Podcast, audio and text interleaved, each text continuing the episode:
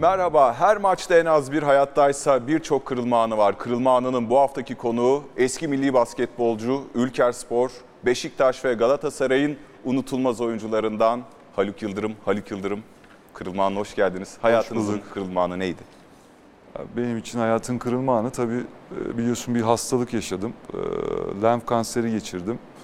Orada tabii e, benim için hayatı farklı bir gözden tekrar bakma fırsatı yakaladım. E, Tabii ben sonuçta bir sporcuydum. Yani sporcu sakatlıklarına bu tür şeylere alışığız. Ama maalesef bir sağlık sorunu yaşadım. Bunu da çok şükür atlattım. 6 aylık bir tedavi süreci e, geçirdim. E, Ondan sonra doktorum Burhan Ferenoğlu ile oturup tekrar e, durum değerlendirmesi yaptık. Tekrar basketbola başlayacağımı, herhangi bir problem olmadığını söyledi. İnsanlara e, örnek olabileceğimi söyledi. Dediğim gibi onun da katkısıyla basketbola e, geri döndüm. E, tabii benim için zorlu bir süreçti, kolay bir süreç değildi. Aynı zamanda ailem için zorlu bir süreçti. E, Ama çok şükür atlattık e, ve dediğim gibi sağlıklı bir şekilde sahalara döndüm. Ondan sonra da yaklaşık 40 yaşına kadar e, basketbol oynadım. Devam ettim. Evet, o bakış açım değişti dediniz. O konuyu da konuşacağız ama kırılma anında geçmişe bandı biraz daha öncesine sarıyoruz. Bir e, fotoğrafla başlıyoruz. Bir altyapı fotoğrafı. Üzerinizde Adana Ada- Anadolu Lisesi'nin Evet. forması var. Basketbola başlangıç hikayesi nedir Haluk Yıldırım'ın? Ben şimdi Bursa'da doğdum. Babamın işinden dolayı Adana'da büyüdüm. Yaklaşık 17 yaşına kadar Adana'da kaldım. Tabii o dönemde e, herkes, her çocuk gibi, erkek çocuğu gibi e, futbol oynuyordum. E, Mahalle takımımız vardı. iyi bir kaleciydim. Ondan sonra işte Beyaz Gölge'nin başlaması, işte basketbola olan ilgim arttı. E, Hazırlık sınıfında e, arkadaşlarımla beraber ortaokul seçmeleri vardı, basketbol seçmeleri. Ona katıldım. Okul takımıyla beraber başlamış oldum. Kulüp takımında Güney Sanayi'de e, başladım. Tabii o zaman Adana'da hakikaten Adana basketbolunun önde gelen isimleriyle çalışma imkanı buldum. İşte Alaaddin Atsal kulüp e, okul takımımızı antrenörlük yapıyordu. Mehmet Ali Kıraç kulüp takımında, Ziya Pala. Baktığım zaman hakikaten e, çok önemli isimlerle çalıştım. Yani altyapımı sağlam aldım. Çok hakikaten çok doğru şeyler öğrettiler. O zaman sene işte 84-85 e, Güney Sanayi maçları vardı Adana'da. İki saat önce salon kapanıyordu. Çok maç seyrettim orada. E, basketbola bu şekilde başlamış oldum. Futbol basketbol tercihi nasıl oldu? Yani basketbol biraz daha hani okul sporu diye mi acaba? Yani e, temas spor esasında ama ben kaleci olduğum için çok pozisyon olmuyordu. Yani burada her pozisyon, her dakika pozisyon var. Hem savunmada hem hücumda. Ee, Bir de e, tabii lise takımımız vardı. Çok iyi bir takımdı. Onlara okul e, sahasında idman yaparlardı öğle teneffüslerinde. O çekici Ee, geldi. O çekici geldi. Bir de beyaz gölge tabii e, bizim hayatımızda hakikaten belli bir jenerasyonun hayat basketbolu tercih etmesinde Basketbol önemli bir- olmasa Haluk Yıldırım bugün ne iş yapıyor olabilirdi? Valla onu bilmiyorum tabii yani ne olabilirdim. Yani kalecilik devam eder miydi, etmez miydi? Sonuçta benim dayım da eski bir kaleci. Yani sporla e, şeyimiz var, tanış ilişkimiz vardı. Onunla da zaten abi kardeş gibi büyüdük. Hani bilemiyorum tabii hayat ne gösterirdi. Şimdi Spor Dergisi'nin 91 yılı Ekim sayılarına gideceğiz. Elimde de var hatta benim arşivimde. E, baktım basketbol sayfalarını Erkan Arseven hazırlıyor. Eski NTV Spor müdürlerinden. İlginç bir nostalji. Bir fotoğraf var. Kolej Galatasaray. İki sayı farkla yeniliyorsunuz koleje. E, derginin tarihi 23 Ekim 1991. Maça hızlı başlayan kolej oldu. İlk 5 dakikada 10 sayı öne fırlayan kolejiler bu bu üstünlüğünü Haluk'un 15. dakikada sakatlanmasıyla koruyamadılar. İkinci yarıda Hakan ve Ömer'le etkili olan Galatasaray'a karşılık koleje Brejnoi ve tekrar oyuna giren Haluk sayı bulan isimlerdi diyor. Şimdi e, Adana, Anadolu Lisesi ardından koleje gelen süreç nasıl ve bu maçı da hatırlıyor musun? Valla o maçı hatırlayamadım. Ee, şöyle Adana'dan 17 yaşında ben e, teklif aldım. O ara İstanbul kulüplerinden de teklif almıştım. E, tercih etmedim. Ben e, Ankara, Adana'ya daha yakın olması tek başıma evden ayrıldım ve e, spor hayatım böylece profesyonel hayatım başlamış oldu. Beslen Makarna ile anlaştım. İki sene orada Besten'de oynadım. Besten o zaman Ankara'da çalışıyordu. Maçlara e, Antep'e gidip geliyorduk. E, iyi bir takımımız vardı ama tabii ben sadece idmanlarda yer alıyordum. O zaman Hüsnü Çakırgül, Hüsnü abi, Michael Skurs, Murat Evliyaoğlu e, hakikaten iyi bir kadro vardı. E, ben de genç takım orada 12. oyuncu, 11. oyuncu olarak orada yer alıyordum. O, ilk sene Murat Didin de antrenörümüz, ikinci sene Ercüment Suntar oldu. Daha sonra kulüp ekonomik şartlardan dolayı kapatmak zorunda kaldı. Ben de te, TED Kolejlerden teklif almıştım. Ankara maceram da o, şekilde başlamış oldu. Tabii Ankara e, benim için e, önemli bir sayfaydı. Yani baktığınız zaman hem süre almaya başlamıştım basket kariyeri olarak. Ee, iyi de bir takımımız vardı. Fenerbahçe ile yanlış hatırlamıyorsam e, yarı finale kadar kaldık. Ee, e, kolej camiası bize çok destek veriyordu. Öğrenciler e, Evet. maçlara geliyorlardı. Yani Ankara'da dediğim gibi orada e, takım arkadaşlarımla beraber kolej vizyona yakışan bir şekilde mücadele ettik. Ee, yine bu dergi içerisinde Çukurova'yı da 91-79 yendiğiniz maçta başarılı oyununuzdan bahsediliyor. 19 yaşında, 18-19 yaşındayken sorumluluk alıyorsunuz. O takımda bir takım arkadaşınız var hatta bir abiniz onu dinleyelim. Haluk'u şöyle özetleyebilirim. Saha içerisinde bir antrenör gözüne sahip, çok yetenekli ve çok nadir görülen bir özelliğe sahipti. Maçı çok iyi yönetirdi. Boyu 2 metrenin üzerinde olmasına rağmen, 3 numara pozisyonu oynamasına rağmen guard oynama yeteneğine sahip. Oyunu kurmakta, neyin nerede nasıl olabileceğini görmekte çok üstün yetenekleri vardı. Ve zaten bu yetenekleri de hem Türk basketboluna damga vurdu hem de 40 yaşına kadar e, basketbol oynamasına olanak sağladı. Bunun tabii başlıca sebeplerinden biri hem kardeşim gibi hem ilk geldiğinde çocuğum gibi e, çok sevdim ve hala ilişkimiz çok iyi devam etmekte. Bundan sonraki hayatında da çok başarılar diliyorum. Şu an yapmış olduğu görevden dolayı da zaten Türk basketboluna ne kadar hizmet ettiği çok açık ve seçik ortaya çıkmış bu durumda. Ee, sakin kardeşime e, sevgiler sunuyorum buradan. Bu sakinlik, soğukkanlılık yani e, birçok yerde de efendi oyuncu sıfatı oraya da geleceğiz ama gençsin çocuğum gibi görüyorum diyor, diyor Serdar Evet. Hadi birkaç yaş fark var arada ama bir anda da sahada da hiç çocuk gibi davranmıyorsun. Nasıl başardın bunu? Yani şöyle Serdar'la şöyle kolejde beraber oynadık. Altlı üstte oturuyorduk. Hakikaten idmanlara onda araba vardı. Arabasıyla gidip geliyordum ben. Yani belli bir dönemi hakikaten e, abi kardeş gibi yaşadık işte. İdmandan çıkıyorsun. be- bir yer, beraber bir yere gidiyorsun. Yemeğini yiyorsun. Sonra beraber takılıyorsun. Hakikaten Serdar da benim için e, önemli e, arkadaşlarımdan bir tane. Abim sayılır. E, onun dışında tabii sahada ya ben sakin bir yapıya sahibim. Yani böyle çok e, aktif, çok e, dışarıda da, hayatta da, normal hayatta da. Sakinlik ne Sakin. kazandırdı? Ya sahada bana e, olayları daha çünkü sahada her türlü e, başınıza her türlü şey gelebiliyor yani. Esasında basketbol hatalar oyunu. Hataları ne kadar minimize ederseniz o kadar başarılı oluyorsunuz. Sakinlik onu getiriyor size. Ha çok daha dediğim gibi enerjik geri gelince enerjik de oluyorsun ama sahayı görmek bence önemli bir vizyon tabii. Ya bir de sakin olunca size e, avantajları çok oluyor.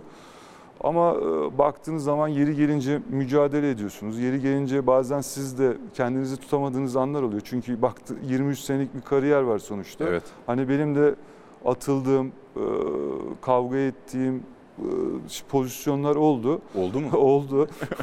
Ama dediğim gibi yani genelde tabii benim e, sakinliğim ve işte sağ görüşüm e, benim bir avantajım olarak e, gözüktü sahada.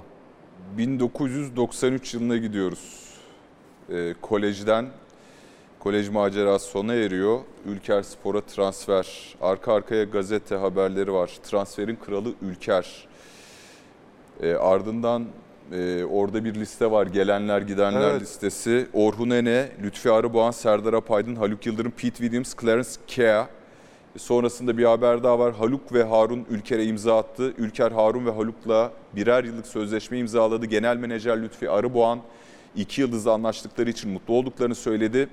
Şimdi Ülker Spor NASAŞ'ı e, alıp Satın satın başladı, aldıktan evet. sonra büyük bir yatırımla basketbol dünyamıza girdi. Kolej gibi içine kapalı bir yapıdan çok büyük paralar harcayan bir e, müessese kulübüne adım atıyorsun. Neler hissettin? Yani burada beklentiler çok farklı. Orada bir oyuncunun ya benim çocuğum gibi derken orada hem büyük isimler var hem de bir de sizden beklenti var. Ya şimdi şöyle profesyonel bir yapı tamamen. Ee, baktığınız zaman her şey profesyonellikle e, ilişik halinde. Ben takıma geldiğim zaman tabii çok önemli oyuncular vardı. Belki Türk basketbolunun en önemli oyuncuları Evet. almıştı Ülker. Rakip yani rakibimiz de açıkçası Efes, Pilsen. O, zamanki Efes Pilsen, şimdiki Anadolu Efes. 93'te e, geldiğimiz zaman tabii ki bir baskı hissediyorsun. Bütün oyuncularda vardı. Yani hedef şampiyonluktu. Yani rakibiniz de belki de e, 20 senedir e, ülke basketboluna olan e, çok büyük başarılar elde etmiş bir kulüp. Kolay değil. Onun dışında tabii başka rakipler de çıktı. E, Tofaş o zaman Evet. ciddi yatırım yaptı e, o zamanlar. Ama e, baktığınız zaman yani o takım tabii çok önemli işler yaptı. Baktığınız zaman 3 tane şampiyonluğumuz var. E, Zaman zaman başarısız olduğumuzda onu da kabul etmek lazım ama sporda her zaman başarıyı elde etmek kolay olmuyor. İşte ben e, bir sene e, baktığınız zaman e, rüya takımı kurduk ülkede. Çok ciddi rakam para harcandı. Ama yarı finalde elendik. Ertesi gün e, bütçe düştü, takım gençleştirildi. O sene de şampiyon olduk. Yani sporda bazen maalesef para her şeyi getirmiyor. Bunu yaşamış, ben oyuncu olarak yaşadım. Tabii arkadaşlarım, yönetici arkadaşlarım, yönetici abilerim onu yönetici olarak yaşadılar. Dediğim gibi doğru takım, doğru insanlar başarıyı getiriyor. E, tabii benim için Ülker e, profesyonel hayata bir geçiş oldu. Para para kazanmaya başladım. Ciddi paralar kazanıyorum. Ülker tercihi neden de öncelikli olarak? Ya Efes beni tercih etmemişti. Eee, Efes'in tercihi başka isimlerdi. Sonuçta ikinci bir takım kuruluyor. Ben de dediğim gibi kolejde hakikaten iyi bir sezon geçirdim, geçirmiştim. Eee, Hem sayı bakımından hem savunma bakımından baktığınız zaman belli ülkenin önemli oyuncularından olduğunu inanıyorum. O, eee, tercih meselesi böyle çıktı. İkinci sezonda burada yeni transferlerle de yan yana. Evet, bu ilk sezon olması lazım. Ve ilk sezondan sonraki sezonda 94-95 sezonu bir fotoğrafımız var yine bir haber. Ülker şampiyon Fenerbahçe'yi dün bir kez daha yenmeyi başaran turuncu yeşilli takım 4-2'lik skoru buldu ve 1995-94-95 sezonunda mutlu sona ulaşan ekip oldu ki bu ben hatırlıyorum gayet tartışmalı bir final serisi sonundaydı zannediyorum. Ee, camialar karşı karşıya gelmişti Galatasaray- yönetimler. Yarı final Galatasaray'la oynamıştık herhalde yanlış hatırlamıyorsam. Galatasaray'la hakikaten e, bayağı bir çekişmeli geçti seri. Galatasaray camiası tabii e, hakemlerle ilgili şikayette bulunmuştu. Daha sonra da e, Fenerbahçe'yi eledik diye e, onları yenerek şampiyon Evet. olmuştuk. O günlere e, Çetin Yılmaz'la dönelim. Dönemin baş antrenörü. Merhabalar. Haluk Yıldırım'la geçirdiğim e, yaklaşık 10 seneyi böyle 1-2 dakikaya sığdırmak çok zor ama öncelikle onun sporcu kişiliğinden bahsedeyim. Çalıştığım süre içerisinde e, onunla birçok şampiyonluk kupa e, kazandık. Milli takımlarda başarılar elde ettik. Şunu söyleyebilirim rahatlıkla. Bugüne kadar çalıştığım en e, en faydalı, en problemsiz e, oyuncularımdan biri olduğunu rahatlıkla söyleyebilirim. Hatta çalıştığım en iyi üç numaralardan bir tanesi. Belki en iyileri, en başta gelenlerinden biri. E, genellikle basketbol dünyasında ikiye ayırırlar sporcuları ve e, skorerler, yıldızlar vardır. Bir de takımı tamamlayan sahiden rol oyuncuları vardır ve bu oyuncular da mükemmel işlerini yaparlar ve o takımın başarısına katkı verirler. Haluk bunlardan bir tanesi değil. Çok ekstrem olmasının sebebi o. Ayrıcalığı burada. Haluk bunların her ikisidir. Yani çok yönlü bir oyuncu. O, yüzden e, bütün başarılarımızda çok büyük katkısı oldu. Bir başka özelliği bu atletik ve teknik özelliklerin haricinde kişilik olarak da sorun olmayan, hiçbir zaman koçuna ve takım arkadaşlarına sorun çıkartmayan, e, her zaman yüzde yüzüyle sahada olan bir oyuncu. Yani ben onunla çalıştığım 10 yıl içerisinde ya Haluk bugün e, konsantre değildi maça, yeterli motivasyonu yoktu gibi saçma sapan cümlelerin hiçbirini kurmak zorunda kalmadım. Bırakmadı çünkü. Her zaman yüzde yüzünü verdi. Bir başka kişiliği de tanıdığım en iyi genç adamlardan biriydi. İyi bir baba, iyi bir eş, iyi bir dost, iyi bir arkadaş.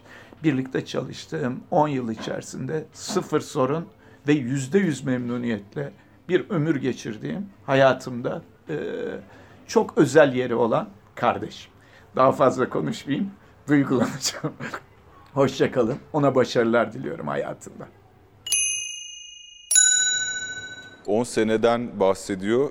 Hiç mi aranızda problem çıkmadı Çetin Hoca ile? Hiç mi Yani çıkmadı? Yani öyle mutlaka. sıfatlar saydı ki ki genelde ben bazı telefon konuşmaları da yaptım. Yani spor dünyasında hani o son insani melekeler, oyuncu melekeleri hiç sorun yaşamadın mı? Ya yaşamışızdır mutlaka ama böyle çok büyük bir olay yaşamamıştır. Yani sonuçta yaşıyorsun 10 sene boyunca sabah kalkıyorsun, idmana geliyorsun. Ee, Bir şey oluyor, bir tepki verebiliyorsun. Hani belki onun belki oluyor yani bu bir sporda koça olan karşı şeyler. verdiğin en, en sert tepki neydi? Ya ben koç yani Ya da takım arkadaşı. yani koçla kavga da edebilir. Yani ben Ercüment abiyle kavga da ettim Ercüment Sunter'le. Ee, telekom ondan zamanı. çünkü herkes Hayır, çok iyi. Ee, yani ama bu şahsi bir şey değil ki. Kuli- e, bir takım var ortada. Rahatsızlığımı gördüm. Yani bu dediğim gibi kavga edip ben daha sonra ki hala görüşürüz Ercüment abiyle. Ee, Ayfer ablayla görüşürüz. Eşiyle görüşüyorum. Yani her bu kavga olabilir ama takımın iyi gitmesi için bazı şeyleri düzeltmek için ki Telekom'da e, işte e, Türkiye Kupası'nı kazandık. Final oynadık. Ankara basketbolunda hakikaten ben önemli şeyler yaptığımızı düşünüyorum o dönemde. Yani e, Çetin abiyle de arada olmuştur mutlaka. Sonuçta 10 sene çok uzun bir süre. Dediğim gibi seyahat ediyorsun, e, evden daha çok berabersin. Evet. Yani belki e, bir göz hareketi yapmıştır, takıyorsun bazen e, bir mimik yapmıştır, doku, ya dokunuyor. Hepimiz sonuçta insanız, hiçbirimiz robot değiliz. Bu tip şeyler yaşıyor. Ya ben dediğim gibi sonuçta e, sahaya çıkıp yüzde yüzünü vermeyen, çalışan bir oyuncuydum. Çetin Yılmaz diyor ki iki tür oyuncu vardır diyor. Rol oyuncusu ve yıldız oyuncu. Evet. Sen kendini nasıl tarif ediyorsun? Ya ben iyi bir takım oyuncusuydum. Yani ama e, bunu nasıl açıklayayım? E, ben oyunu üst düzey oyuncular e, her iki tarafı da oynaması gerekir. Hem savunma yapması gerekir geri gelir. Geri gerekirse hücumda belli sorumlulukları alması gerekir. Ha, ben kendime baktığınız zaman e, dönem dönem çok iyi oynadığım sezonlar da oynadı. Çok kötü oynadığım sezonlar da oynadı. Yani bu değişen bir ama istikrarlıydım. En önemli özelliklerimden bir tanesi istikrarlı oldum. Yani koçlar benden ne istediklerini ve ne alacaklarını bile- bilirlerdi. Çok dengesizlik yoktu. Bu da bence önemli bir Şimdi sen özellik. ısrarla şimdi videolarda çok iyi, çok sorunsuz deniyor ama bir yandan da öyle bir sektör ki, öyle bir camia ki aslında zaten doğasında rekabet var. Reka- Takım evet. arkadaşın bile olsa egolar da üst Ego- seviyede. Tabii. Hiç hakkının yendiğini hissetmedin mi? Yani biz böyle sessiz duruyoruz ama durun kardeşim dediğin Yani olmuştur mutlaka. Yani şimdi transfer sezonu oluyor. Bir oyuncu işte daha fazla kazanıyor. Ya sen diyorsun ki "Kar- ya ben de bu parayı hak ettiğim mutlaka ol- oluyordur. Yani yani ama öbür türlü hakkımın yendiği o durumlarda zaten bir karakterim var, bir şeyim var. Oralarda müdahale ediyoruz olaylara. Yani Anladım. o kadar da şey. Mülayim değilim Müda- yani. mülayim değiliz. Şimdi 1 Temmuz 1999. Tarih tanık geliyor mu? Bir, Temmuz 1999. Şöyle bir 75 yılın en iyi basketbol milli takımı fotoğrafımız var ve Evet. bir videomuz var. 21.5 saniyede top kullanacağız. Haluk Yıldırım, Kerem Tunçeri karşısında Mustafa Sonko. Kerem pas verebileceği bir arkadaşını arıyor. İbrahim çıktı dışarıya. Top istedi. Kerem vermedi ona. Son 10 saniye karşılaşmada artık. İbrahim Kutla içine doğru yüklendi. Haluk Yıldırım üstelik atışı girmedi. Girmedi. Girmedi. Son 2.7 saniye içerisinde faul. 99 Eurobasket 99 çeyrek final mücadelesi ev sahibi Fransa'ya karşı oynuyoruz. 64-62 yeniyiz. Son saniyede top Haluk Yıldırım'ın elinde. Maalesef şut girmiyor ve bizim işte burada 30 yaş civarında editör arkadaşlarımız var. Haluk Yıldırım'ı konuk alacağım dediğinde bile yani o yaş itibariyle hatır- hatırlama ihtimali yok, ama yok, öyle efsanevi kaçan bir şut ki Yapıştı evet maalesef. yapıştı. Yapıştı evet yapıştı. Yani şimdi pozisyon esasında zor bir pozisyon değil tartışılır yani doğru şut, yanlış şut ama bence pozisyon gereği atmam gereken bir şuttu. Ben öyle düşünüyorum. Ya şöyle bir şey söyleyeyim. Ben hiç seyretmedim bu pozisyonu. Hiç bir daha ilk defa seyrediyorum pozisyonu. Ben çünkü normalde maçlar bittikten sonra hiç Kapatıyorsun. Yani şey yapmam. Zaten e, kulüpte şöyle olur. Kulüpte işte bir hazırlık olur. Ertesi gün toplanırsın. İşte iyi yaptıklarını, kötü yaptıklarını. Ama benim özel hayatımda "Ha, şu televizyona koy- şunu koyayım da ben 99'dan beri bu pozisyonu hiç seyretmedim. Yani unutmuştum. Hatırlattığın iyi oldu. Ya şöyle bir şey söyleyeyim. 99'da hakikaten Erman Kunter antrenör. O zaman işte benim hatırladığım kadarıyla Kerem Tuncer'i ilk defa milli takıma alınmıştı. Ee, Murat Konuk, Ufuk Sarıca, İbrahim Kutlay, Hüseyin Beşok, e, Mirsat Türkçen var mıydı hatırlamıyorum ama olması lazım. Ee, hakikaten iyi basketbol oynadık. Kimsenin tahmin etmeyeceği basketbol oynadık. O zaman da e, rakip de ev sahibi çıktı Fransa. Kafa kafaya gitti. Ben çok iyi mücadele ettiğimizi düşünüyorum. Bu maçın şöyle bir özelliği var. Yenseydik o zaman belki olimpiyatlara gidecektik. Yani ilk dördü garantilemiş garantilemiş olacaktık ama kısmet değilmiş. Cüneyt Erden'le konuştum. Diyor ki hepimizin kariyeriyle oynadı. Doğru. Kendi Soyunma kariyerimle. odasında ne konuşuldu? Yani genelde tahmin ediyorum yani çok böyle yapacak bir şey yok. Doğru şut atılmış. Ya girmedi yapacak bir şey yok yani. Çok da fazla bir şey konuşmaya da gerek yok ama ya iyi bir basketbol oynadık. Ben öyle hatırlıyorum. Belki 2001'deki belki işte Avrupa ikinciliğini belki o zaman o tarihte temelleri atılmış oldu. Ben- öyle görüyorum. Ha tabii ki atsaydık çok daha farklı şeyler konuşacaktı. Daha önemli şut kaçırdın mı? Daha önemli şut yok kariyerimde. Yani mini takımlar açısından yok kaçırmadım. Ee, yani bu gerçekten çok meşhur bir 3 sayılık basket. Yani 40 yaşına kadar varan bir basketbol kariyerinde 99 yılında yani ortalarında bile değil aslında başlarında gibi ama e, 90 27 28 Evet yaşındasın. 20, 28 yaşındayım. Dediğim gibi e, çok Tabii da iyi bir esasında. Ya ben milli takımlarda şöyle e, 2001, 2002, 2003'te oynadım ama hiç- yani kendi açımdan da söyleyeyim çok üst düzey bir performans gösteremedim. Hep vasat performans gösterdim. Yani bilmiyorum bunun bir şeyi var mı? Esasında en iyi oynadığım turnuva da bu 99 yani milli takım açısından baktığınız zaman. Evet. Ama orada da kısmet değilmiş.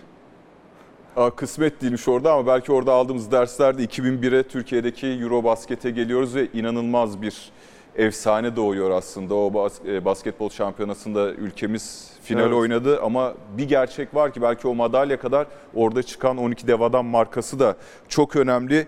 E, boynumuzda gümüş, kalbimizde altın.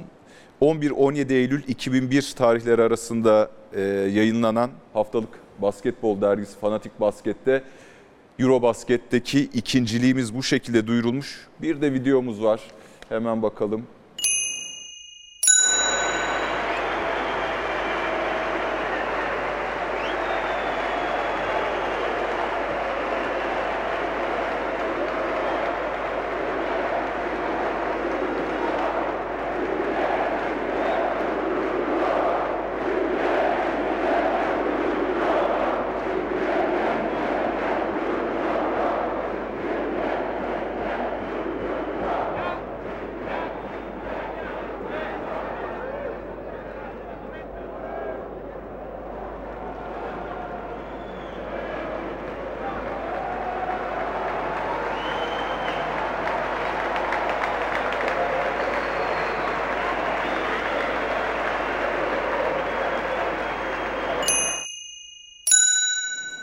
Tribünlerden e, bir sporcunun alabileceği en büyük övgü herhalde. Türkiye Evet. sizinle gurur duyuyor diyor. Ne hissettin?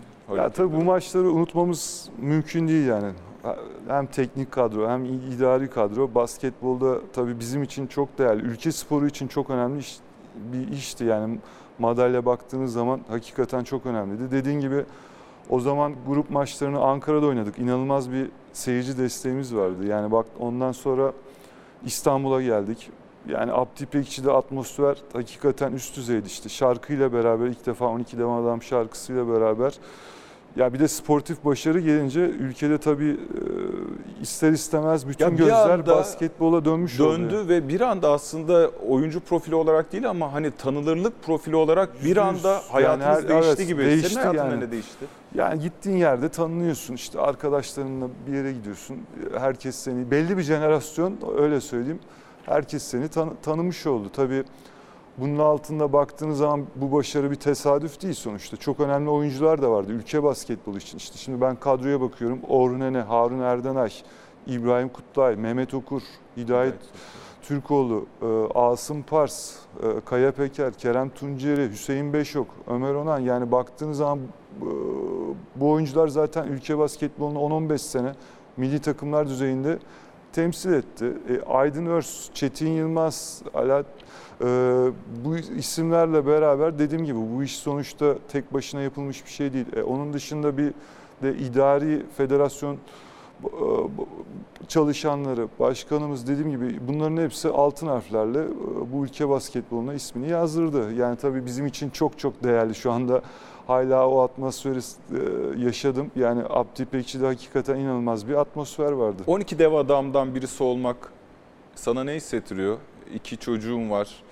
Hani onlarla konuşurken. Ya özel tabii yani işte ben şimdi kızım tabii o dönemi yaşamadı. Arada gösteriyoruz, şey yapıyoruz. Ya diyoruz 12 dev adam. O tabii geçiyor ha 12 dev adam. Hatırlamıyor, bilmiyor, bilmediği bir şey. E, Ama belli bir jenerasyon özellikle ülke sporunda, ülke e, basketbolunda bilenler için hakikaten özel bir kadroydu. Dediğim gibi bunu bir sadece bir kişi yaratmadı. Sonuçta ülke basketbolunda bütün payda, paydaşlar yarattı. İşte ama bizlere e, nasip oldu. Tabii bizler için e, inanılmaz yani bizim kariyerimiz için oyuncular o zamanki oyuncular için inanılmaz bir atmosfer. Şimdi 2004'e geldik programın başındaki kırılma anına. Ee, gazete haberlerimiz var. Haluk özlenecek ve dev adam sen bunu da yenersin şeklinde iki haber 27 Şubat 2004'teki Milliyet Gazetesi potalar Haluk'u özleyecek. Ülker Spor'un kaptanı milli basketbolcu Haluk Yıldırım lenf bezi hastalığı nedeniyle 4 ay sahalardan uzak kalacak. Ee, ilk teşhis konduğunda ne hissettin Haluk Yıldırım? Şimdi benim beze çıktı boyun bölgemde. İşte o zaman da oynuyorum. Yani e, sağlık ekibine göstermiştim. İşte Burhan Uslu dedi ki bir al, alalım bakalım nedir ne değildir falan filan diye. O arada da bayram falan filan girdi. Böyle bir boşluk oldu ameliyattan sonra. Burhan abi beni çağırdı. O, e, muayenehanesine gittim. Ya, ya Haluk dedi e, önemli bir şey yok. Virütük bir şey. bir e, antibiyotik falan alacaksın. 3-5 ay içinde şey yapacaksın falan filan. Abi dedim nedir? Hodgkin lenfoma dedi. Ondan sonra ben de çıktım Burhan abiden. Burhan abi böyle hep şeydir bizim. Pozitif bir insandır. Ee, eve gittim işte. Eşime dedim Hodgkin lenfomaymış. Bir antibiyotik alacağım falan filan. 3-5 ayda geçiyormuş falan filan. Sonra işte internet o zaman yeni çıkmıştı işte. internete girdim falan filan. Lenf kanseri diyor. Allah Allah falan filan yani Burhan abiyi de biliyorum. Burhan abi söylemezlik yapmaz ama tek başıma gittiğim için sonra Burhan abiyle de konuşuyoruz. Ya Haluk dedi tek başınaydın hani çekindim açıkçası dedi. Sonuçta dedi farklı bir şey dedi bu sağlık e, problemi. E işte kanser falan filan tabii şok oluyorsun. Sonra evde eşimle oturduk ya lenf konseri ne yapacağız ne edeceğiz falan filan. Tabii kanser olduğundan dolayı e, açıkçası şey yapıyorsun. Sonuçta kanser e, sonu genelde ölümle biten ama tabii kanserin çok çeşidi var artık. Yani tedavi oranları da çok arttı. Ama tabii en önemli şey erken teşhis ve erken tanı tabii ki çok önemli. Sonra aile doktorumuz vardı. İşte, isimler aldık. E, Doktorlar 2-3 doktor gezdim. Sonra işte e, Burhan Bey'le tanıştık. Hakikaten e, konusunda çok uzman. Ee, çok ağır başlı, neyin ne olduğunu anlatan bir şey. Onunla da aile, eşimle beraber, ailemle beraber gittiğim zaman tatmin olduk. Lenf kanserinin tedavi oranının %90'a uğraştığını, toplumumuzda çok geçiren olduğunu, hepsi herkesin hemen hemen e, eski sağlığına kavuştuğunu anlattı. 6 aylık bir tedavi süreci sonucu e, öyle planladık ve tedavim başladı. İşte 4 aylık bir kemoterapi gördüm. Daha sonra bir radyoterapi tedavim oldu. Ee, Temmuz'un ikinci haftası falan gibi işte tekrar Burhan Bey'e gittik. Tedavi sonuçlarımın e, olumlu olduğunu, her şeye e, eski sağlığıma kavuştuğumu söyledi. Dediğim gibi kolay bir süreç değildi benim özellikle ailem ve e, yakın çevrem için. E, ama sonuçta bunların yaşanması gerekirmiş. E, yaşadık. Ne Çok şükür e, geçti. Öyle Burhan Ferhanoğlu ile ben konuştum bu programa hazırlanırken. Evet. Sevgilerini gönderdi. Çok yakın çok dostluğunuzun da olduğunu söyledi. Evet. Ee, bana iletmem için ve o günleri seninle birlikte yaşayan tabii ki e, değerli eşin. Bakalım neler söylüyor o günlerle ilgili. Merhaba. Kariyerinde ve özel yaşantında 49 yaşına geldiğim bu döneme kadar birçok kırılma anı yaşadığını biliyorum. Ee, Ben e, şimdi e, hastalığınla ilgili yaşamış olduğumuz kırılma anını anlatmaya çalışacağım. Ee, O sırada daha yeni baba olmuştun. Oğlumuz 2 yaşındaydı. Bir haftalık süreç içinde her şey çok çabuk gelişmişti. Sen o bir haftalık süreç içinde e, bir Türkiye Ligi maçı oynamıştın. Bir de Avrupa deplasmanına gitmiştin. Dostlarımızla, ailemizle ve doktorumuzla çok kenetlendiğimizi hatırlıyorum. Senin e, hastalığa çok pozitif baktığını hatırlıyorum. Bu belki gençlikten olabilir, belki de içgüdüseldir. Onu geriye dönüp baktığımda bir çıkarımında bulunamayacağım. E, hastalık e, tedavi sürecin sırasında ortalarına doğru doktorumuz e, teke tek idmanlara başlayabileceğini söylemişti. Sen de hakikaten başladın. Fakat e, bana söylenen senin koordinasyonun o kadar e, düşmüştü ki ayakların birbirine karışıyordu. Ama sen bunu çok e, normal karşılamıştın ve moralini hiç bozmamıştın. Daha sonrasında e, süreç bittiğinde tekrar sağlığına kavuştuğunda e, Beşiktaş'la bir anlaşmaya vardınız. E, ve e, o sezon ha- harika bir sezon geçirmiştiniz takım arkadaşlarınla beraber. Daha sonraki dönemlerde de hem sağlığına dikkat ederek hem e, yani hem sağlığına çok dikkat ederek hem ailene gerekli özeni göstererek hem de kariyerine gerekli e, ilgi ve alakayı göstererek e, yoluna devam ediyorsun. Öncelikle e, seninle gerçekten çok gurur duyuyoruz ve seni çok seviyoruz. Seni en çok ne motive etti bu 6 aylık süre zarfı içerisinde tedavi Ya benim ilk önce yani benim derdim orada hastalığı yenmekle ilgili. Yani işte hastalık geçirenler var. Dediğim gibi sonuçta hast, kanser hastasısın. Lenf kanseri. Başarı oranı belli. %90. Ben orada tamamen hastalığı yenmek için e, konsantre olmuştum. Tabii ki işte arada e, işte maça gittim. Biraz daha hayatınıza dikkat ediyorsunuz. Çünkü hasta olduğunuz zaman tedavi sürecini etkiliyor. Bu daha uzuyor. Ee, orada da öyle bir yani bir hikaye de şöyle var tabii. Ee, Hüseyin Beşyok'la onun da dizinde sıkıntı vardı. Çok ciddi e, kıkırdakla ilgili problem yaşıyordu. İşte idman yapalım falan filan diye konuştuk aramızda. Sağ olsun Gökhan Taşdemir bize işte haftada belli dönemde iki idman yaptırmak için işte gidip bir salona gidiyorduk. Yani ben tabii e, gidip geldiğim zaman yoruluyorum yani vücut e, şey bitik durumda.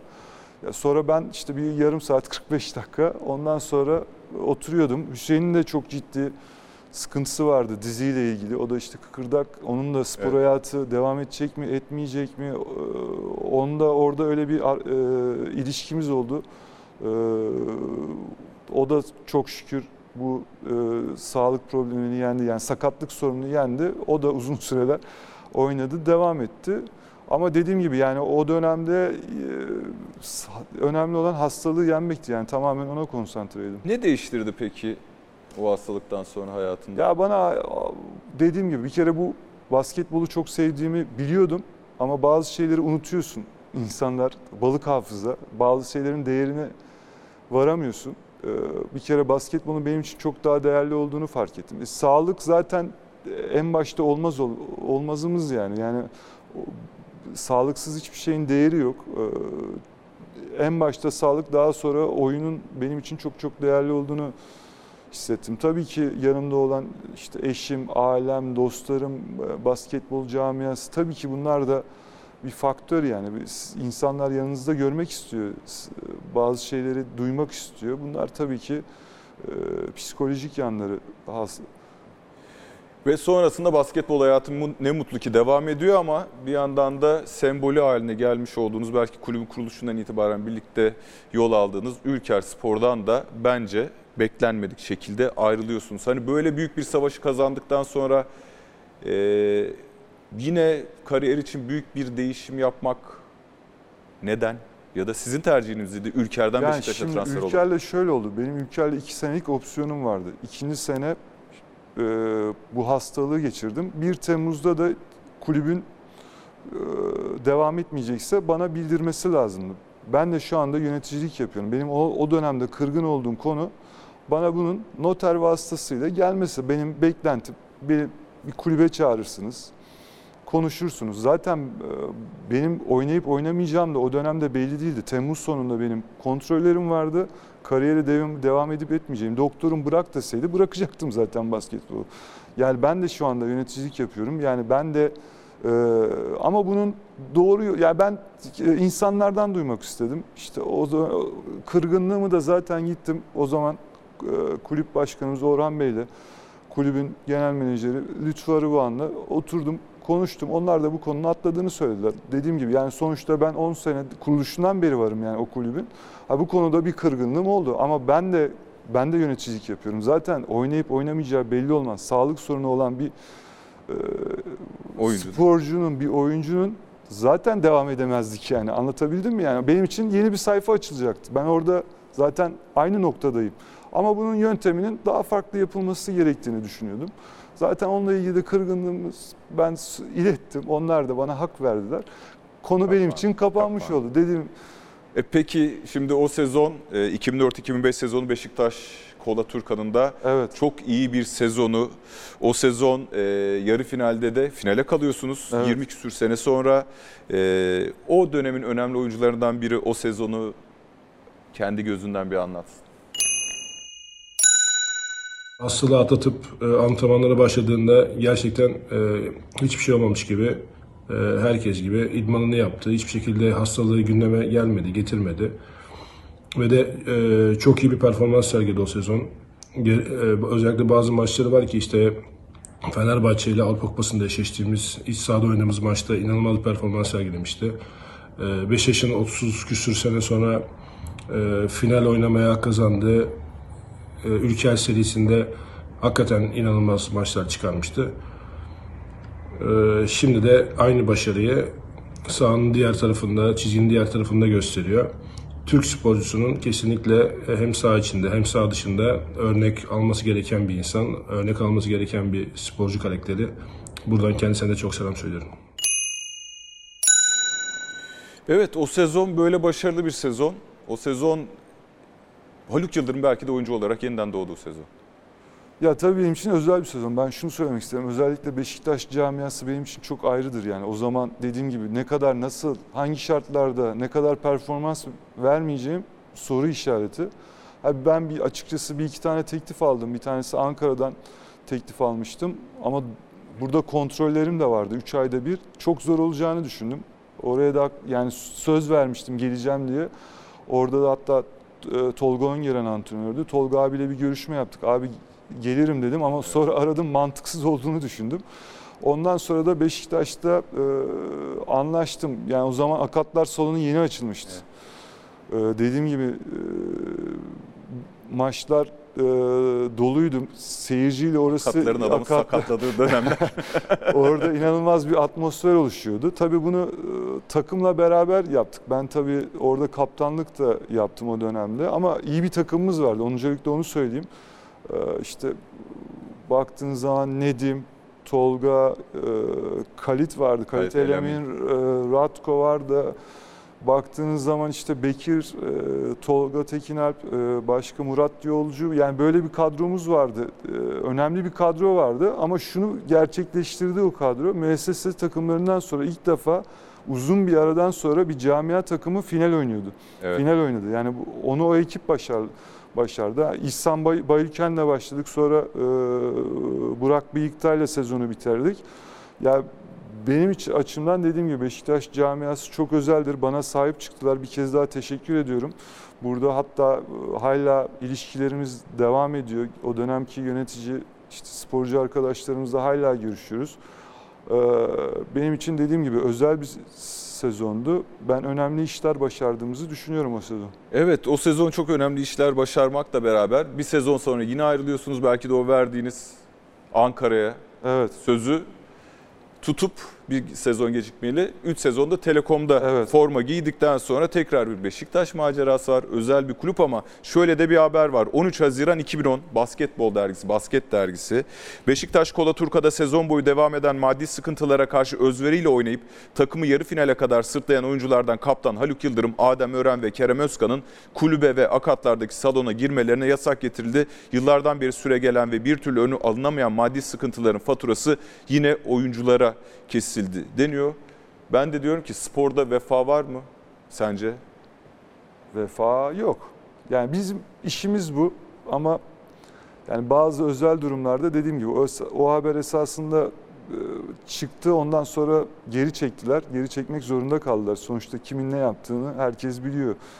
Bizim camiamız küçük bir camia. Bir tane yönetici arkadaşımızın çıkardığı sansasyonel bir haberdi. Dediğim gibi ben bugün gittiğim zaman beni akatlara giriş çıkışında herhangi bir problem yok. O dönemde e, dediğim gibi bir haftalık ya- yazılan bir haberdi. Yani şöyle bir şey var. Şu anda ya o zaman bütün takımlar için belki bir ekonomik sıkıntı yaşanıyordu ama özellikle Beşiktaş kulübü maalesef bu tip haberlerle çıktı. Yani biz takımı da bir arada tutmak için çok e, fedakarlık da attık. Yani bugün baktığınız zaman sporcuların ödenmesi gereken faturaları var, taksitleri var. Yani biz bu işi profesyonel e, para kazanmak için yapıyor sporcular. O dönemde maalesef yani e, kabul edilemeyen e,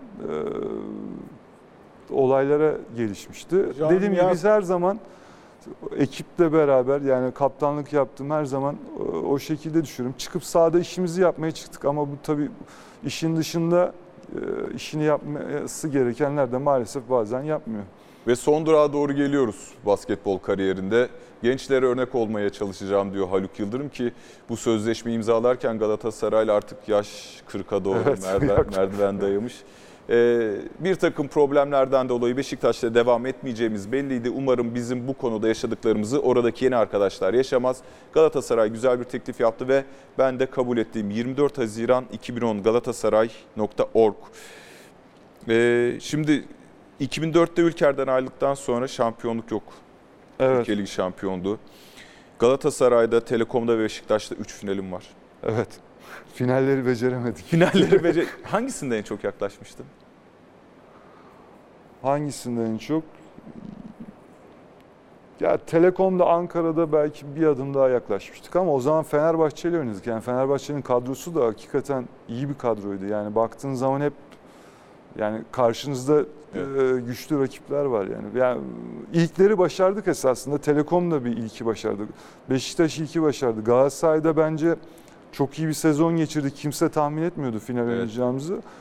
Ama maalesef finalde beceremedik. Orayı Eksiklik hissediyor musun o finallerin kaybolmuş olması?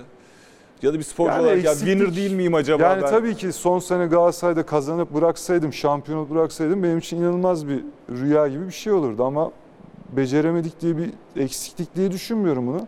Ben çıktık sahaya en iyi şekilde mücadele ettik. Yani ben o seride hatırlıyorum benim dizimde bir sakatlık vardı. Yani doktor dedi ki hiç e, iğne falan yapmayalım çünkü sen büyük ihtimalle oynayacaksın. Ben çık, sahaya çıkıp mücadelemi yaptım. Ha performans açısından belki düşük kalmış olabilir ama e, çıktığım zaman ben görevimi yapmış şey yapıyorum. Yani sonuçta dediğim gibi herkes elinden geleni yaptı yani öyle düşünüyoruz. Düşünüyorum. Çok soyut bir şey soracağım çünkü çok merak ettiğim bir şey. Evet. Telekom'da oynamakla, Ülker'de oynamakla, Beşiktaş'ta Galatasaray'da oynamak arasında nasıl bir fark var bir sporcu için? Bir müessese takımıyla bir camia takımı arasında. Camia takımında yani seyirciden dolayı inanılmaz bir atmosfer oluşuyor mesela. Yani bu atmosferi müessese takımlarında yaratmak çok zor. Yani Abdi İpekçi 12 bin kişi e, Galatasaraylı seyirciyle oynamak farklı. Ankara'da 3 bin 5 bin kişiyle oynamak arasında dağlar kadar fark var. Tabii ki sosyal Başarının hayatta- hazzı olarak fark ediyor mu? Bir sportif tatmin duygusu olarak bir şey fark ettiriyor mu? Ya ben camia takımda yaşamadım şampiyonluk. Onun için bilemiyorum. ya ama Ülker'de yaşadım. Benim için tabii ki kariyerimdeki en, en özel anlar tabii. Yani sonuçta bir sene emek veriyorsunuz. Dediğim gibi bunu tek başına da yaratmıyorsun. Bir ekip var. Herkes ekibin karşılığını kupa alarak kazanmak. Yani sezonu kupayla bitirmek tabii ki çok farklı.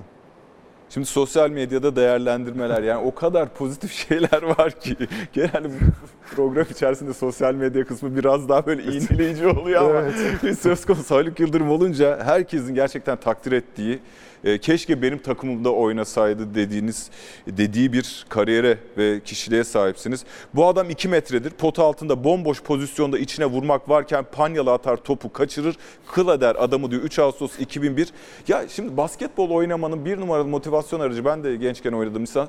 Bir smaç yapsam şu potaya. Yani böyle bir motivasyon yok muydu? Neden bu yapı meselesi mi?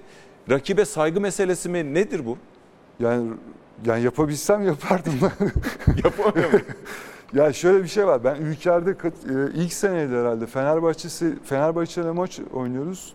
Bomboş bir turnike kaçırdım. Yani arkadan da rahmetli Konrad geliyordu. E, Biliyorsun yani uçan, Uçana kaçana. kaçana şey yapıyordu. Hani bu, psikolojik bir şeydi. Belki bilmiyorum. Ya bomboş o zaman yani lig maçıydı. Atmam lazımdı onu. Korkudan ya psikolojik bir şey kaçırdık ama e, smaçlarım da var yani. Ama dediğim gibi e, smaç eğer o gücüm varsa yaptığım smaçlar da oluyor. E- Efendiden bir adamdır. Ülker deyince akla gelen iki isimden biridir. 16 Ocak 2003. Ee, şimdi ben hiç hatırlamıyorum. Ben de iyi bir izleyiciyim ama şöyle sormuşum. Sahada efendiliğini kaybetmeye en çok yaklaştığın an nedir? Ya da böyle ya pişman olduğun bir an var mı sahada? Sonra ya, bunu sahada- yapmasaydım. Sahada Gitti ben öyle esasında şey çaktırmadan e, yapardım yani yapabileceklerimi. Kurallar İlk defa gereğinde. kötü, bazen kötülük yaptığını Yok, inandırmaya yani çalışıyor kavga bana. Yani Efes serisiyle kavga çıktı mesela. O zaman Kerem Tuncer'i anlatır belki. Tükürdüğünü yani tükürdüm diyor. Ben hatırlamıyorum. Öyle mi?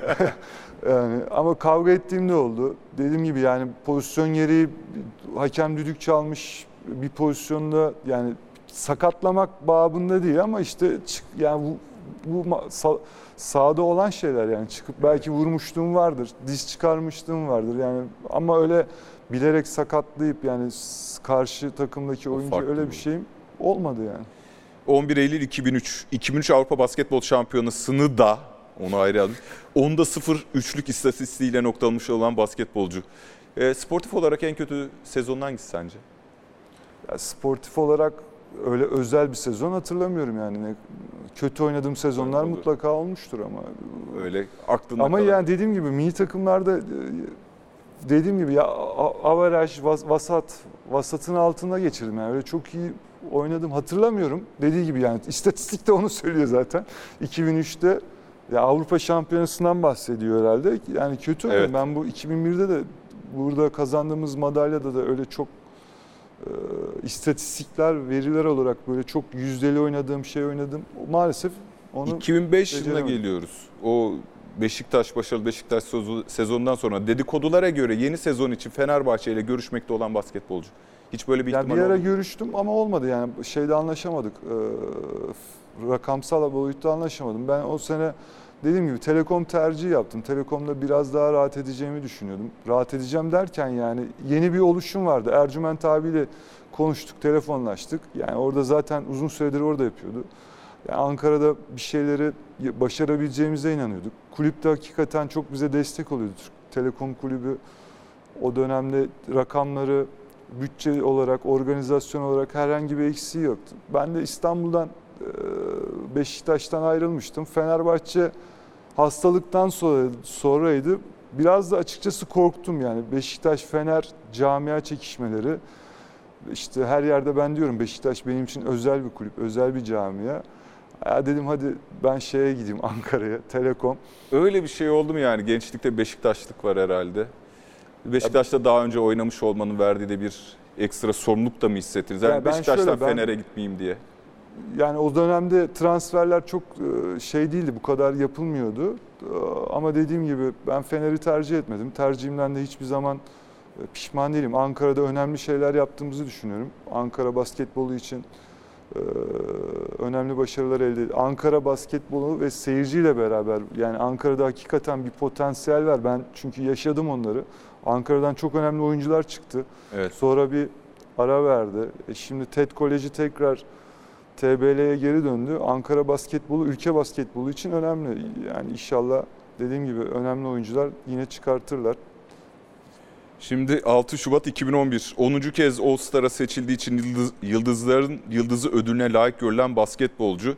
Şimdi hangi özelliğinle All-Star oldun sence? Yani uçmazsın, kaçmazsın. Bir crossover desen crossover'ın da yok. Smacın zaten yok. o bir bir desen şey- o da yok. Bir Ama şeyler All-Star yapıyorduk da yıldızı. gözükmüyordu bizim yaptığımız şeyler. Ya şöyle zaten seçilen e, isimler belli yani orada 10 senede kimler var kimler yok baktığın zaman ülke basketbolunun en iyi Türk öyle. oyuncuları işte. Ya orada da federasyonumuz sağ olsun öyle bir ödüle layık gördü. Çok nazik bir ödül. Çok düşünceleri düşündükleri için teşekkür ediyorum. Yani öyle bir Ankara'da Ankara seyircisi önünde almak benim için keyifliydi hakikaten. Şimdi fotoğraflara geçiyoruz. Ee, biraz ben seçtim, biraz da başka Evet. yerlerden buldum. Şimdi bu, okul takımımız Anadolu Lisesi. Bu takım ortaokullarda şampiyon olduk bu takımla. Soyunma odasının en çok neyini özlüyorsun? Ben de çok az soyunma odalarında bulundum ama soyunma odaları... Ya, soyunma odasında muhabbet ediyorsun. Çocuksun orada. Sen şunu yaptın, bunu yaptın. Yok şu yani muhabbet belli zaten. Unutamadığın bir soyunma odası anısı var mı? Ya gençken de olabilir, A takımda olabilir. Yani çok özel o anlatmıyor. Peki tamam. Bir fotoğrafımız daha var. Eşiniz Selen Hanım program Evet. içerisinde gördük. Ne zaman tanıştınız Selen Hanım'la? Selen ya orta üçte o da kolejde oynuyor. O turnuvada esasında beraber aynı yerde e, kalıyorduk. Ben ona işte 15 14 yaşından beri uzaktan tanıyorum. Bir muhabbetimiz yoktu. Sonra işte ben Ankara'ya gelince çıkmaya başladık. Daha sonra ben işte İstanbul'a geldim. Daha sonra da e, evlenmeye karar verdik. Yani benim ben onun çocukluğunu biliyorum. O benim çocukluğumu biliyor.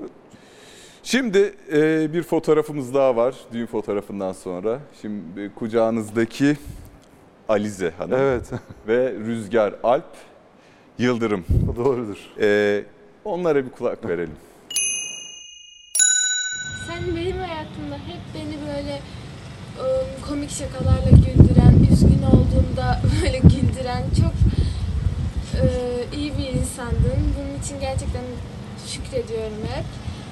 Şey hatırlıyorum, küçükken uyandığımda baba baba diye seslenirdim. Sonra senin olmadığını anlardım, işte olduğunu anlardım ve çok üzülürdüm. Ayrıca sen hep aileni mutlu etmek için elinden geleni yapan bir insandın.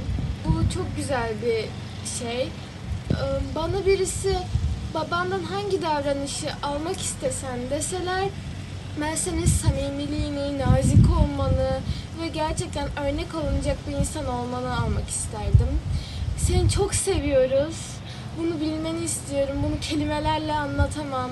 İyi ki benim babamsın. Seninle gurur duyuyorum. Seni çok seviyorum.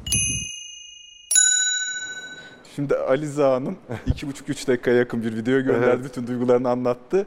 E, Rüzgar Bey de bu üç saniyelik cümleyi kurdu. Ya sen de babasın şimdi erkek, erkek çocuk- çocuklarıyla kız çocukları arası çok farklı. Yani benim e, etrafımdaki hemen hemen herkes e, aile babası. Yani kızlarla farklı bir ilişki yaşıyoruz. Maalesef öyle. Ama erkekler tabii kendi hayatları var, kendi bir yaşamları var. E, farklı bakıyorlar hayatlara. Ama tabii ki kızımla hakikaten özel bir ilişki yaşıyoruz. Çocuklarınıza ne bırakmak istersiniz? Çocuklara ya tabii ki işte verebildiğimiz imkanların hepsini vermeye çalışıyoruz. Hani bu okul iyi okulsa iyi okul. Ama e, ben hep çocuklarıma şunu söylüyorum. E, Yap, yaptığınız işi sevin. Neyse hayatta ne yapacaksanız ve yüzde yüzünü verin. Ha, onun dışındakiler hepsini hayatta her şeyi kontrol etmeniz mümkün değil. Ama düzgün yapın yapacağınız işi. Severek yapın. Ha, hayat kime ne nasıl göstereceğini, neler göstereceğini hiçbirimiz bilmiyoruz. Sonuçta ben bütün imkanlarımı benim ailemin bana verdikleriyle benim çocuklarıma verdik imkanlar arasında dağlar kadar fark var. O, ailem bana en iyisini vermeye çalıştı. Ben de onlara elimden gelenin en iyisini vermeye çalışıyorum. İnşallah hayatta başarılı olurlar. İlk önce sağlıklı olurlar ve mutlu olurlar. En önemli isteğim o. Şimdi e, kısa cümleler vereceğim. Programın son bölümüne geldik. Tamamlamanızı isteyeceğim. Keşke yapmasaydım dediğiniz bir şey. Keşke yapmasaydım. Keşke yapmasaydım. Bu, bu konularda Yok. çok zayıfımdır ya. Yok. Basketbol kariyerinizde dönmek istediğiniz an. Bir an. Yani şimdi ortaokul takımıyla mesela sahaya çıkmak isterdim yani ama öyle bir imkan O maalesef kadar yok. basit. Evet, Evet. aslında sorun cevabı. Evet. İyi bir koçta olması gereken ilk özellik sizce ne? İyi bir koçta olması gereken önemlilik bence ikna edebilmesi. Oyuncularını ikna edebilmesi en önemli özellik. Bir lakabınız olsa ne olurdu? Bir lakabım olsa sessiz ve derinden derler Sakin. şu andaki. Basketbol size ne öğretti? Basketbol bana hayatı öğretti. Ee, ne güldürür Haluk Yıldırım'ı? Komik bir espri, komik bir olay. En büyük merakı basketbol dışında? En büyük merakım yani benim e, çok hobim var. En, en, en büyük bir, e, bir tanesi olmadı. Burayı sen burayı kesersin. Kesin. Ya. En büyük e, hayali bundan sonra Ya en büyük hayali şu anda federasyonda çalışıyorum. Türk basketbolunu e, bir jenerasyon yakalayıp her gittiği turnuvada işte alabileceği en iyi derecesi madalya ise madalya. özel hayatında peki hayali? Özel hayatında benim e, en büyük şeyim 3-5 sene sonra bir e, bağ evine gidip orada yaşamak istiyorum. En son ne zaman ve niçin ağladınız? Ya ben kolay bir ağlayan bir herif değilim ama e, zorlanırım öyle söyleyeyim. Duygularımı çok da belli etmem. E, ama kızımın doğumunda ağlamıştım mesela. Haluk Yıldırım kırılma anının sonuna geldik. Çok teşekkürler. Ben teşekkür ederim. Tekrar görüşmek üzere. Hoşçakalın.